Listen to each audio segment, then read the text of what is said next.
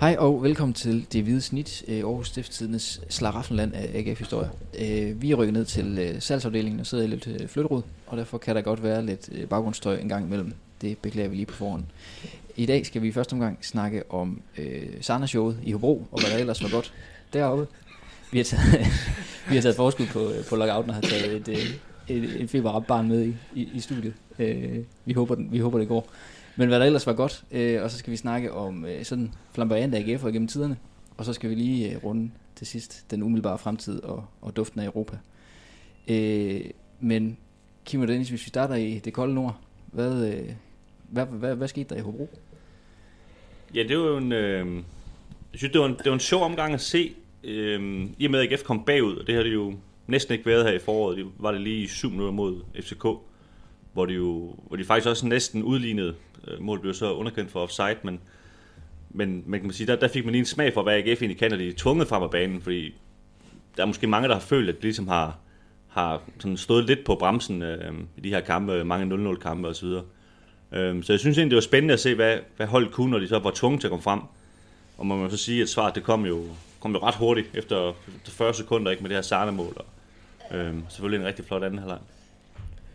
Ja, men AGF, de, de spiller jo over, overordnet, spiller de ikke nogen fantastisk kamp i, i, i Hobro, og, og særligt den, den første halve time, der, der er det jo der er det jo hjemmeholdet, der ligesom sidder på, på tingene og, og, og dikterer, dikterer spillet. Men, øh, men de kommer rigtig fint øh, igen efter, at Hobro får den her scoring lige inden pausen, og, og det viser også noget, noget karakter og noget, noget god moral, at øh, de bevarer roen. Og, og det var også det, man sådan kunne høre på spillerne efter, efter kampen, at der var, en, der var en fin stemning faktisk i omklædningsrummet, selvom de var, de var nede med en pind. Og, og det, det lukrerede de så på, øh, den her fine følelse efter pausen, ikke? Og, og, og laver tre mål og, og, og sidder på, på begivenhederne efter pausen og vinder også, vinder også fortjent, synes jeg. Ja, for jeg, jeg tror egentlig, altså vi sad også snakket om, Kim, at altså de, de første 40 minutter, at, at det ligner sådan set en, du kunne sagtens blive 0-0 igen. Og så scorer han jo det der fuldstændig vanvidsmål øh, lige, lige før pausen, og så er det klart, så, så er AGF selvfølgelig tvunget til at gøre noget. Øh, der er jo ikke noget mål i sig selv at tabe 1-0. Så, så jeg tror egentlig ikke, det er sådan fordi, at, at AGF's offensiv fuldstændig blev øh, forløst øh, af en helt anden verden, og de har arbejdet på nogle helt nye ting. Altså, jeg, jeg tror egentlig, det var fordi, de blev lidt presset, og så, øh, så kom der selvfølgelig tur ind, og, og så er selvfølgelig Sarna, der det siger sig selv, hvor han, han, han spillede en fantastisk kamp selvfølgelig. Ja, for i, i det store og det hele, der, der var det jo en gameplan, der, der mindede meget om, om, om den måde, de har spillet på i, i mange af de andre kampe her i, i foråret. Ikke? Altså, solid organisation, og så, så ser man ligesom, hvad der, hvad, der, hvad, der sker, hvad der sker offensivt. Men det er klart, det, det, det åbner op for nogle ting, sådan rent offensivt, at man kommer bagud og og skal lidt længere frem på, på, på banen. Og så kan man så også sige, at, at Hobro-spilleren giver måske også Sarner lidt for meget plads i, i, i nogle situationer, og også andre AGF'er end, end Kasper Juncker, der også øh, kom fint på bydersiden af, af de lidt tunge øh, Hobro midtstopper. Så, så der var masser af muligheder. Det kunne man også se i første halvleg, hvor, hvor man bare ikke sådan rigtig fik, fik udnyttet det. Men, øh, men fint at se, at man kan gå ind og, og lave tre mål, og, selvom selvfølgelig nummer to er et straffe, og den tredje er en, er en omstilling, hvor, hvor Hobro er fremme og, og skal satse. Ikke? Men, øh, men godt at se, at man får lidt gang i målscoring, for det tror jeg, det, det betyder rigtig meget for, for det, der venter. Ja, for udover øh, Sana, som vi vender tilbage til, øh, Kim, hvem er det så, der, der, der gør, at sejren den, den kommer i Hobro? Ja, det er jo igen baseret på, øh, på en holdpræstation, sådan som jeg ser det. Altså, det er jo det er jo solide præstationer, sådan stort set over, over hele banen for, for AGF. Øh, det, der har kendetegnet dem i, i hele foråret. Ikke? Altså, en Jovanovic, der, der tager fint fra ned i, i, i målet. Øh, en, en, en bagkæde, der, der, der står rigtig godt og afviser øh, i, i hovedparten af duellerne. En central midtbane med Armini og, og Dab, som, som får lagt et godt pres, i hvert fald øh, i perioder på, på Hobro og, og så et par aggressive angriber på hver deres måde, ikke? For Junker er god i presspil, og, og Sarner, når han har bolden. Øh, øh, og Jens Dage og, og Koster spiller måske lidt mindre roller i den her kamp, men, men set over, over hele linjen, så er det jo så er det holdet, der præsterer. Så kan man sige, at ja, Sarner han, han shiner med, med sine tre scoringer, men det er jo ikke sådan, han, han spiller en kamp, som, øh, som, som går ind i historiebøgerne på den måde, hvor han scorer de her tre mål, men, øh, men det, det var holdet, der, der igen leverede. Øh, andet sted, der, der snublede Silkeborg imod øh, mod Helsingør. Øh, hvad, hvad betyder det for AGF's øh, chancer fremad? Jo, men det er klart, det, øh, det er selvfølgelig en, det er en kæmpe gave til AGF. Nu, øh, nu har AGF fire point ned til, til Silkeborg, og, og møder dem jo så også i, øh, her i weekenden. Så det, øh, det var jo en, det var en rigtig, rigtig god weekend for, for David Nielsen og company, og det kunne man også godt fornemme på dem efter kampen, synes jeg, i, op i Hobro, at, at det ikke nok med, at de selv var glade for deres egen sejr, så, så havde de også den her, de havde fået dagen før, den her lille gave. Øh, og må, nu skal vi jo snakke matchbold lige, lige om lidt, og det, det må man jo sige, det, det er nok det, de har fået serveret AGF, fordi det, øh, altså hvis, hvis de vinder over Silkeborg og har syv point, fire runder tilbage, det, øh, det tror jeg ikke kan gå galt, hvis jeg skal udfordre skæbnen lidt. Resultaterne af de to kampe var jo, var jo helt perfekte, hvis man har oceanske briller på. Altså, en sejr over Hobro, der, øh, Hobro, der, der kommer ind til, til kampen med alt det her alt det her snak, der har været efter, efter sidste spilrunde i, i grundspil, og en, en dårlig smag i munden, og, og, og hvad gjorde Sønderjysk, og hvad gjorde de ikke, og så videre. Ikke? Så de, de føler virkelig, de, de har tabt meget, og så kommer de ind, og så taber de den første kamp på hjemmebane til, til AGF, så det er tungt lige nu i, i Hobro, øh, hvorimod det, det ser rigtig lyst ud i AGF, ikke? Og du har et Silkeborg-hold, som alle egentlig havde snakket om, var, var rigtig farlige, og, og især på hjemmebane ville, ville have en fordel mod de, mod de tre andre hold, og så taber de efter at have været foran 2-0, så taber de 3-2 til, til Helsingør, ikke? så de er også lidt nede. Og så kan man sige, at Helsingør, jamen de, øh, de rider lidt på en, på en minibølge i øjeblikket, men det er så mange point bagefter, at det er jo ikke nogen, AGF umiddelbart skal, skal være bange for. Så, så kan man få tre point mod Silkeborg på søndag, så, øh, så ser det rigtig, rigtig godt ud for AGF. Ja, jeg synes også, det, det giver også nogle spændende muligheder for AGF, fordi at, man kan sige, at Silkeborg er jo lidt tvunget til at komme lidt frem af banen øh, i den her kamp på, på søndag, fordi altså Hobro er jo, er jo af point med AGF, og de, de skal jo så selvfølgelig bare hente et af holdene, men, men, men man kan sige, de kan næsten ikke nøjes med en uafgjort Silkeborg. De skal næsten ud og, og, og have en sejr her. Og jeg tror godt, at AGF kan lide, hvis, hvis holdet de kommer lidt frem af banen. Så, så jeg tror egentlig, at, øh, at det står ret godt til AGF. Altså generelt set har, har AGF jo egentlig i den her fine øh, periode, de har haft nu under David Nielsen, øh, været aller, aller skarpest på udebane. Øh, haft lidt problemer med, med at score på, på eget græs, må man sige.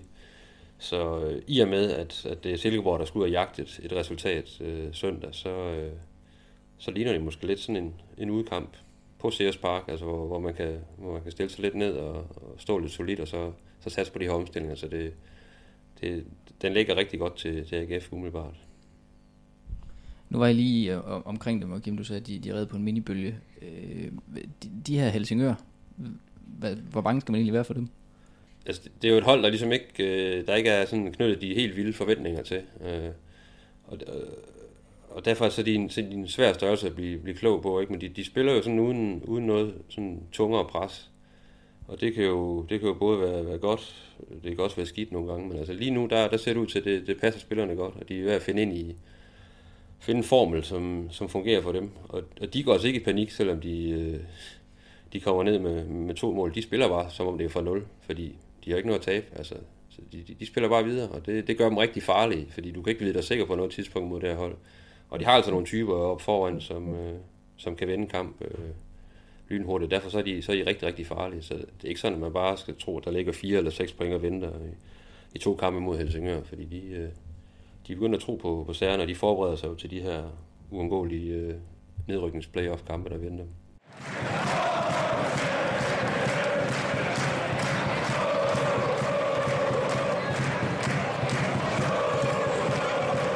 Nu skal vi til øh, det, vi plejer at kalde historietimen, men først skal vi lige øh, omkring lidt lytterspørgsmål, som vi jo efterlyste på øh, især Facebook i går. Øh, hvis vi starter med Mark Nordrup, han har spurgt, tror I, Martin Spelman, han kan affinde sig med at være henvist til bænken? Øh, nej, altså, det, det helt korte svar er nej. Øh, selvfølgelig kan han godt i en, i en periode, og det, det gør han jo også lige i øjeblikket, men, men det er jo ikke nogen hemmelighed, hvis man, hvis man ser træningen på Fredensvang, at, at Martin Spelman, han er en type, der gerne vil spille, og og gerne vil vinde, og man kan godt se på ham, den måde han øh, accelererer væk på parkeringspladsen, om, øh, om han spiller eller ej. Øh, så det, det tror jeg da ikke, han er tilfreds med i længden. Nu er det klart, nu har han jo givetvis en snak med David Nielsen om, om, om det er permanent det her med, at han skal, han skal sidde på bænken, og, og hvis det er det, så tror jeg da, så tror jeg, at han søger andre veje til sommer, fordi det, det kan han ikke affinde sig med, det er jeg sikker på. Øhm, en af de steder, spiller han kan spille, nu spiller han mest spillet kant, men det er jo, det er jo inde midt på, øh, og den er efterhånden ved at være noget fyldt, den centrale midtbane. Hvem, øh, hvem ser I skal spille den næste sæson, spørger Mathias Larsen. Ja, det er et godt spørgsmål. Nu, nu ved vi heller ikke, hvad der kommer til at ske i, i sommerens øh, transfervindue, om man har tænkt sig at hente noget, noget ind, eller hvad, hvad der kommer til at ske. Men hvis man sådan tager udgangspunkt i de spillere, der er der nu, så har David jo hele tiden sagt, at, øh, at Gira var en vigtig spiller for ham. Han har så røget sådan lidt øh, baglæns ud af holdet, kan man sige, i og med, at, at Daniel A. Pedersen har, har præsteret så godt, som han har, og, og også en, en Armini faktisk har, har genfundet noget af den, øh, den form, han, han viste i, i efteråret. Så lige nu, der, der er markerparet, det, det er Daniel A. Pedersen og, øh, og Mustafa Armini. Så kan man så sige, øh, Daniel A. Pedersen, han har kontraktudløb til sommer. Øh, og jeg ved, der er, jo, der er jo lidt dialog i forhold til en kontraktforlængelse, men øh, sådan som han har præsteret her i foråret, så synes jeg, så synes jeg, det vil være oplagt at, at lave en ny aftale med ham, for han har virkelig vist øh, øh, højt niveau her i, i, i foråret, og vist, at han passer godt ind i, i David Nielsens øh, måde at spille på. Øh. Og jeg tror, jeg synes også, det, jeg synes også, det er vigtigt at, ligesom at, at forsøge at bevare noget stabilitet, øh, eller noget kontinuitet øh, med de her spillere, så der ikke kommer alt for mange ind og ud. Øh, det tyder også på, at man skal have en ny angriber også til sommer og så videre, så, så den her ryggrad, den, øh, den skal helst bevares sådan nogenlunde, så, så selv, selvom man kunne hente den anden i stedet for Daniel Pedersen, så tror jeg, det er vigtigt ligesom at forsøge at beholde ham, sådan at, at øh, man bevarer noget. Og så tror jeg også, at altså, David har, har tidligere nævnt det her med, at han, han virkelig gerne vil have flere af de, de helt unge spillere at spille ind på holdet. Altså, Kostrup har allerede fået chancen et par gange. Øh, og jeg ved også, en Benjamin Witt vil han også gerne have, have spillet tættere på holdet, så det er også helt sikkert en mand, man kigger på, også i forhold til, til næste sæson, at, øh, at give ham nogle, nogle, nogle flere minutter. Sådan der. Øhm, Thomas Wierenfeldt Andersen, han, han spørger til en anden, der ikke har fået så forfærdelig meget spilletid på det sidste. Øh, Alexander Jul. Øh, han spørger, ser I nogen sandsynlighed for, at AGF forlænger med ham? Altså med Alexander Jul. Det er, det er også et godt spørgsmål. Øh, Alexander har, har jo selv meldt ud, at han vil være 100% klar, før han overhovedet går ind i, i en snak om, om fremtiden. Altså. Fordi han er jo rent faktisk sådan frygtet for, for karrieren på et tidspunkt. Så derfor har det ikke været noget tema for ham på noget tidspunkt, sådan, øh, om hvorvidt han skulle forlænge sin kontrakt eller ej. Men nu fik han 45 minutter på reserveholdet her tirsdag, og, og jeg snakkede selv med ham efter kampen, og han var rigtig, rigtig glad og lettet over, at, øh, at det var gået godt, og bentøjet det, det holdt. Så, så det, det er der, han står lige nu, øh, og når han så sådan føler, at han er 100% og måske igen er, kommer i betragtning til, til at spille i, under, under David, så, øh, så tror jeg, han sætter sig ned sammen med, med sportschefen, og så tager de en snak om, hvad der, hvad der skal ske. Men om det går den ene eller anden vej, det, det ved jeg faktisk ikke, for der har ikke været noget dialog indtil videre. Tobias Sander, han spillede jo noget af en rolle i, øh, i Hobro, øh, og han er en af i, i nyere tid flere flamboyante AGF'ere, og jeg ved, I har, I har tænkt lidt over nogle andre, sådan i nyere tid. Dennis, hvem, øh, hvem springer I i hovedet? Jamen altså, jeg synes ham, der er indbegrebet af det, når man snakker AGF, og i hvert fald her i nyere tid, det, det er sådan en mand som Kim Aabæk.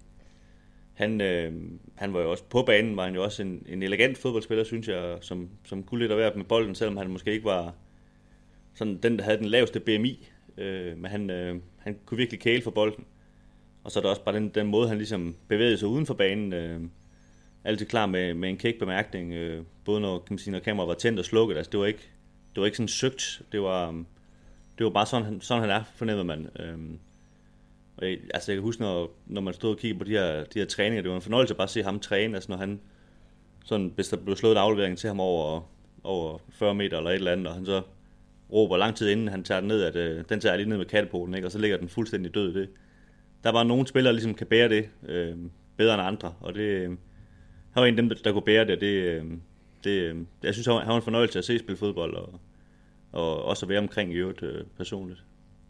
Men der har været mange sjove, sjove typer i, ind og ud af, af truppen i, i den tid også, jeg har, jeg har dækket klubben. Altså, Dio Williams var, var godt nok en sær snegl. Altså, faktisk en, en fremragende fodboldspiller, men, men uden for banen altså fuldstændig umulig at styre for den sportslige stab. Øh, levede nærmest af burgermad og, købt, lagde ud med at købe en stor bil, da han kom til AGF, og investerede i en hjemmebar til, jeg tror det var 50-60.000 en af, efter den første løn, løncheck var, var gået ind. Altså, en Benny Feilhaber kan jeg også huske som, som en, en amerikaner, hvis mund aldrig stod stille. Altså, han, han kæftede op for den dag, han, han trådte ind på Fredensvang, til den dag, han, han forlod øh, klubben igen. Altså, konstant kværnen øh, ind i omklædningsrummet. Øh, nogle gange til, til ret meget irritation for, for, for medspillerne.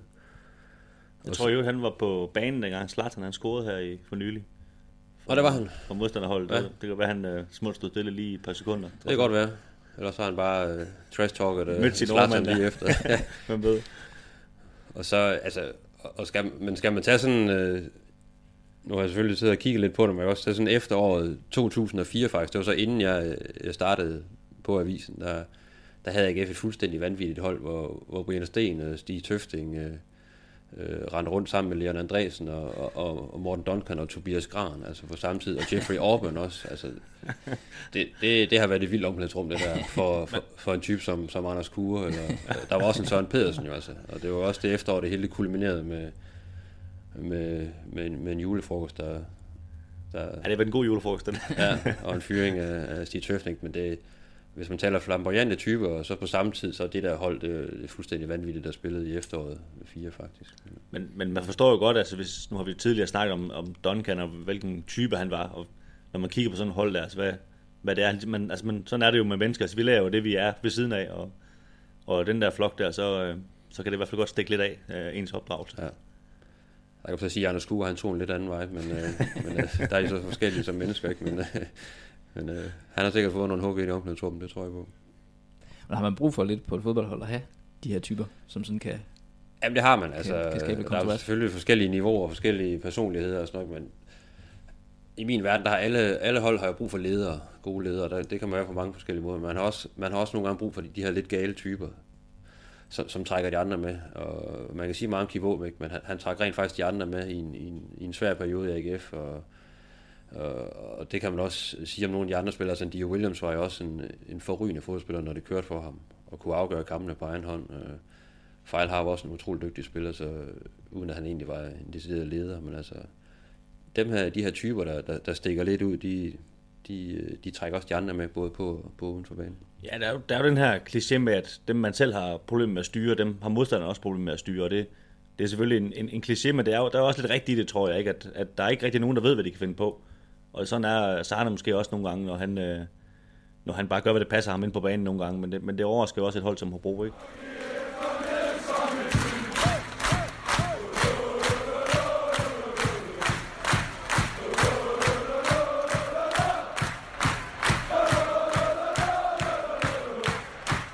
Nu har vi nævnt ham nogle gange. En af dem, der virkelig gjorde en forskel i Hobro, øh, det var Tobias Sana. Øh, Dennis, hvor god er han egentlig?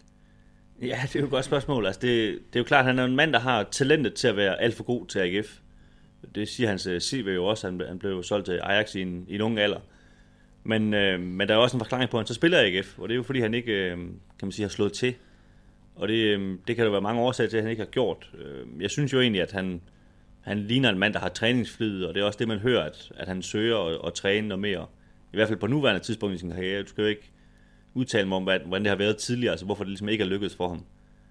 Øhm, så jeg synes egentlig, han, han gør alt det rigtige nu, øh, for ligesom at blive den her profil, og det har han vel også ved at blive på det her AGF-hold. Han, øh, han startede jo egentlig fint i sin AGF-tid. Øh, jeg kan huske den her Hobro-kamp, øh, sjov nok igen Hobro, øh, som var kamp nummer to på hjemmebane, hvor han øh, virkelig drev gæk med, med det her Hobro-hold, og, og jeg tror, han ramte stolpen også, og så videre, hvor forventningerne virkelig blev pisket op, og så, så var det som om, det døde lidt ud, øh, sådan, øh, som foråret, det blev koldere, og så videre, eller efteråret selvfølgelig blev koldere. Øh, men, men startede jo så selvfølgelig øh, smukt op øh, med det her mål i, øh, i den første premierkamp i foråret.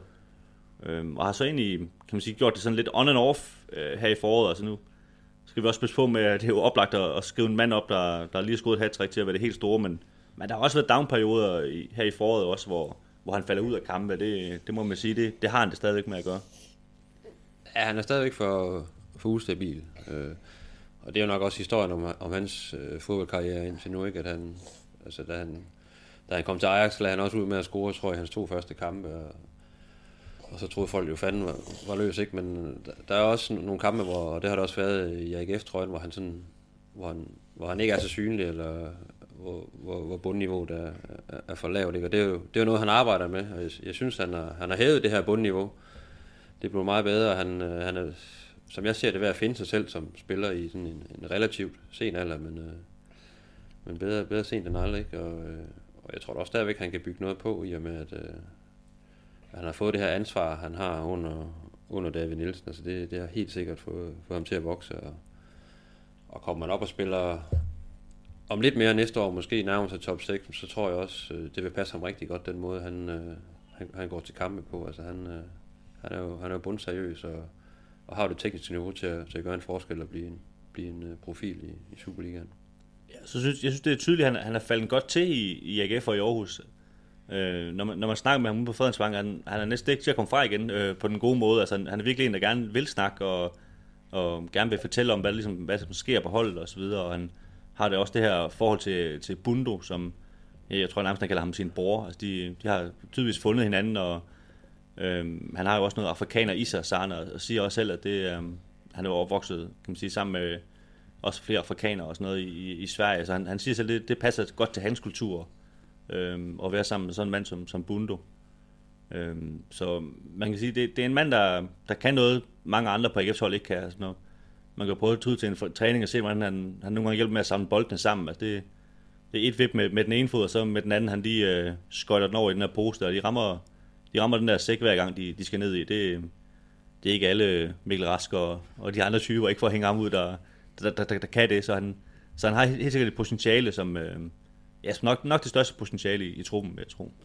Det er tydeligt, at han har en connection til, til især en, en Bund, når, når de spiller sammen. Nu er Bund jo ikke med fra start mod, mod Hobro, og man kan sige, noget af det, han måske mangler stadigvæk, øh, det er at, at, at gøre spillere som, som Jung og Pusic, når han spiller sammen med dem, gøre dem endnu bedre. Altså, øh, øh, det har han lidt nemmere ved, når han spiller sammen med, med, med Bunde faktisk. Og mod Hobro var det også ham, ham der ligesom shinede ikke, individuelt, men øh, det er måske det, han, det lag, han, han skal op på, øh, eller lægge på nu, det er at, at være med til at gøre de andre angriber øh, bedre og sætte dem i scene i, i forhold til de kvaliteter, de har. Og det, øh, det bliver spændende, det bliver spændende at følge. Jeg nævnte nogle gange det her, lige hurtigt så til sidst, så jeg nævnte nogle gange det her med, at han har det her gode samspil med Bundu. Hvordan, hvordan ser man det? Altså, hvordan ser I det i kampene? Jamen, de har sådan en, de har en indbyrdes øh, forståelse, det siger de også selv. Altså, når den ene har bolden, hvor løber den anden så hen, og hvordan skal jeg spille ham, og øh, hvis jeg spiller Bundo i fødderne, så får jeg den tilbage, hvis jeg løber herhen, og sådan noget. De, de, de tænker fodbold meget ens, og det, øh, selvom de er to forskellige spillere. Og det er ret tydeligt at se, øh, især til træning selvfølgelig, men også øh, i, i enkelte kampe har det også, øh, har det også været tydeligt at se, at, at der er en, en relation, der, der, der er rigtig god. Og det er jo fordi, de er, de er spilintelligente spillere begge to, og i, i særdeleshed Sana. Det er jo det, altså, fodbold kan man sige, det er jo at, og det handler meget om at forudse de ting, der sker, og de, de forudser, kan man sige, tit de samme ting, og så, så giver det jo mening, når den ene så løber det sted hen, hvor den anden også vil aflevere og sådan noget, så er det, man passer godt sammen nogle gange. Men der mangler stadigvæk, altså, stadigvæk sige over, der mangler et, et output stadigvæk i, i, i højere grad, når man taler om, de, de, de er så gode til at finde hinanden. Altså det, det, det er stadigvæk for lidt, man, man egentlig får ud af, når de, når de så spiller sammen.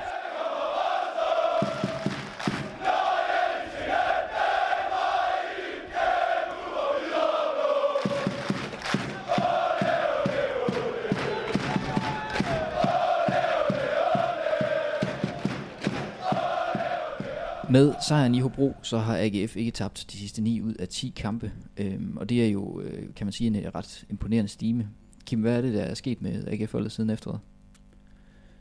Ja, der er jo der er jo mange faktorer i spil, kan man sige, men det, det er jo klart, at uh, David Nielsen og den øvrige trænerstab har haft en, en, en vinteropstart for det første, til ligesom at, at arbejde med, med spillerne. Der har været den her træningslejr også, som både spillere og træner har, har talt rigtig meget om, hvor man socialt blev, blev rigtig godt øh, tømret sammen, men også øh, rent taktisk øh, fik arbejdet på nogle ting og finpudset øh, nogle ting øh, i, i holdet. Ikke? Og der, der er så også ligesom dannet et nyt hierarki, kan man sige, efter at, at, øh, at Duncan øh, røg til Pols fodbold, og der, der ligesom blev rodet lidt op i omklædningsrummet og, og hierarkiet inde på, på banen, og det er der også flere, der nævner som en, som en positiv ting. Øh, det, det, det har skabt en, en, en rigtig god stemning øh, på holdet. Øh, og så kan man sige, der er jo bare... Øh, på alle hold er der jo er der udviklingskurver, ikke? og de kan gå op og ned, og, og med en ny træner, og, og, og den energi, han, han lægger for dagen, og, og en dygtig assistenttræner, og, og en stab omkring, så, så er der bare nogle ting, der er gået i hak her i foråret, og, fordi man netop har, har haft et ret klart fokus. Så det, det er jo tydeligt at se, at, der at spillerne også øh, føler sig trygge i, i det, man har gang i lige i øjeblikket. Ja, man kan sige, man kan sige som du siger, det, det er jo tydeligt gjort også ved, at man har skiftet anfører fra, fra Duncan til, til Pierre Kanstrup. Øhm, og de har jo hver deres ledelsesstil, det er jo, det er jo helt åbenlyst. Øh, Pierre Kanstrup er sådan, kan man sige, lidt mere tilbagelænet, lidt mere inkluderende måske, hvor Duncan er jo lidt mere, mere hardcore. Og jeg tror egentlig, at begge ledelsesstile øh, kan fungere fint, men, men de fungerer ikke ret godt sammen. Altså hvis der er nogen, der trækker den ene vej, og den, nogen, der trækker den anden vej. Og, øhm, og på den måde er det, er det fint, at man ligesom har fået afgjort, at, at nu vælger man en af ledelsesstilene øh, og kører med den, øh, og så ligesom arbejder ud for det. Så det, det tror jeg også har været sundt at, at få rullet op i. Og så tror jeg, at, øh, eller det ved jeg, for det har flere spillere også, øh, også sagt, altså David har været, været rigtig dygtig til at, at definere nogle, nogle klare roller til, til den enkelte spiller, så der ikke er nogen øh, inde på banen, der er sådan en tvivl om, hvad, hvad der er vedkommendes rolle er, og hvad det er for et ansvar øh, øh, vedkommende har, når, når, når bolden den, den ruller. Og øh, det tror jeg, det passer godt til, til mange af de typer, der er i den her trup, at, at der er helt klare øh, arbejdsopgaver og helt klare ansvarsområder. Og, øh, og det er blevet udpenset ret tydeligt, hvad der forventes af den enkelte spiller, og, og også hvad der, hvad der ikke nødvendigvis forventes, eller hvad han ikke, hvad han ikke skal gøre. Og det, øh, det synes jeg, det, det er ret tydeligt at se på, på mange spillere. Det har, det har løftet øh, hele vejen rundt, sådan en, en 5-10 procent øh, på præstationen. Har du, har du nogle sådan konkrete eksempler på det? Jamen, nu, nu snakkede jeg lige med, med Daniel A. Pedersen den anden dag, for eksempel. Han, han nævnte det faktisk selv i forhold til, øh, til, de, til det her ansvarsområde, han ligesom har fået inde på den centrale midtbane. At det, det, det gør det nemmere for ham, når han ligesom har, har færre ting, han ligesom skal forholde sig til, og han ved helt, helt tydeligt, hvad der er, der forventes af ham, fra sådan rent taktisk, øh, og hvordan han skal bevæge sig rundt på banen, og hvordan han skal, skal agere i forhold til sine medspillere når, i de forskellige situationer. Det, det, det er en af de ting, der, der har hjulpet ham til også at, at løfte hans niveau, han er jo en af dem, der, der virkelig har løftet niveauet her i, i foråret, synes jeg. Og så, så tror jeg også bare, man må sige sådan helt grundlæggende, at altså, selvtid, det, det er noget, der, der er godt for fodboldhold. Altså det, det, det flytter bare bjerge, og det, man kan sige, det her nye AGF, man skal sige, det nye, nye, nye, nye AGF, de fik uh, den her premiere sejr i Hobro, og, og det blev ligesom bekræftet i alle de ting, de gjorde på træningslejren. Det fungerede, det virkede. Øh, og der, så har der været den her stime, hvor man kun har tabt til FCK. Så nu går de og siger til hinanden, at, at, at de er på vej i den rigtige retning, og det, øhm, det, det synes jeg, man har set mange gange i fodbold, altså med Leicester, der vinder Premier League, og også øh, David Nielsen sejt Lyngby-hold, der blev nummer tre sidste år, at, at det, det kan virkelig meget, øh, så snart man tror på det, man laver. Og man kan sige, at den stime, altså nu sidder vi og snakker om den her, den her stime, ikke? og den er jo egentlig, den, den startede jo egentlig med, med 0-0 på hjemmebane mod Helsingør, hvor der ikke var sådan en udbredt tilfredshed blandt hos tilskuerne og, og folk omkring klubben med, med det resultat, men det var faktisk der, det blev grundlagt, øh, hvor man ligesom sagde, nu, nu lukker vi i hvert fald af, og så, så får, vi, får vi et resultat. Ikke? Og det blev så fuldt op inden, øh, inden vinterpause med, med to tårer i Brøndby, som jo nærmest blev fejret som, som en sejr. Ikke? Altså, øh, og så har man så formået at bygge oven på de præstationer hen over vinteren og, og, og på træningslejren, og det, det er tydeligt at mærke, øh, at spillerne har en tro på, at hver gang de går på banen, så, så, så kan de vinde, og i hvert fald få, få point med, ligegyldigt hvem de, hvem de møder. Og det er sådan en, det er en meget, det er et meget godt udgangspunkt at have, når man, når man skal ind og spille en fodboldkamp, at man ikke er usikker på, hvor, hvor, hvor fanden er vi henne, hvor, hvor er holdet. Øh, nu er der tre nye startopstillinger, hvordan går det så? Altså, der er en tryghed omkring, lige meget hvem der spiller, på de forskellige pladser, så, så, så er der en mulighed for at få point med. Det, det, det synes jeg, at trænerstaben har været, været rigtig dygtig til ligesom at få, få banket ind i spillerne på ja, kort tid. Det, det, det virker jo længe siden nu, men, men man kan sige, det her hold, AGF-hold har jo tabt, øh, var det 3-0 i Sønderjyske, øh, på hjemmebane til Randers også, var det, var det 4-1, altså hvor man, hvor man gik fuldstændig ned. Øh, og, og man kan sige, det er sådan set det samme hold, der, der leverer de præstationer, men, men det er ikke noget, man, jeg fornemmer i hvert fald ikke, at, at den ligger lige om hjørnet, sådan en præstation igen. Nu kan det jo selvfølgelig godt være, at det kommer mod Silkeborg, når man sidder og siger sådan noget, men, men, men det tror jeg ikke, det gør. Det er, det er som om, der er lidt en, en anden bund i det nu, end der har været tidligere. Ja, så endda på trods af, at man ikke, øh, at man egentlig ikke laver specielt mange mål. Men det, det virker til, at man egentlig er lidt ligeglad med, fordi det, der har været fokus på, øh, på defensiven og på, på at stå godt, ikke? og så må man ligesom bygge, bygge det andet på, og det, det er det her med ligesom at tage en, en ting ad gangen. Og så, det, er jo, det er jo det kedelige svar, det her med at tage en kamp ad gangen, og tage en ting ad gangen, og så lægge nye lag på. Men det er jo det, der fungerer for stort set alle fodboldhold, altså når man ikke, når man ikke kan tage for øverste hylde, sådan er det bare. Ja, og jeg, jeg tror også, det var sundt med, i samme boldgade, at, at man ligesom tager den her top 6, man meldte ud på et tidspunkt, at ej, det kommer ikke til at ske. Det, det, det, det når de ikke. Selvom det sådan set egentlig var realistisk faktisk i, i langt hen i foråret. Men det var egentlig meget ud at sige, ej, det, det, det satser vi ikke på længere.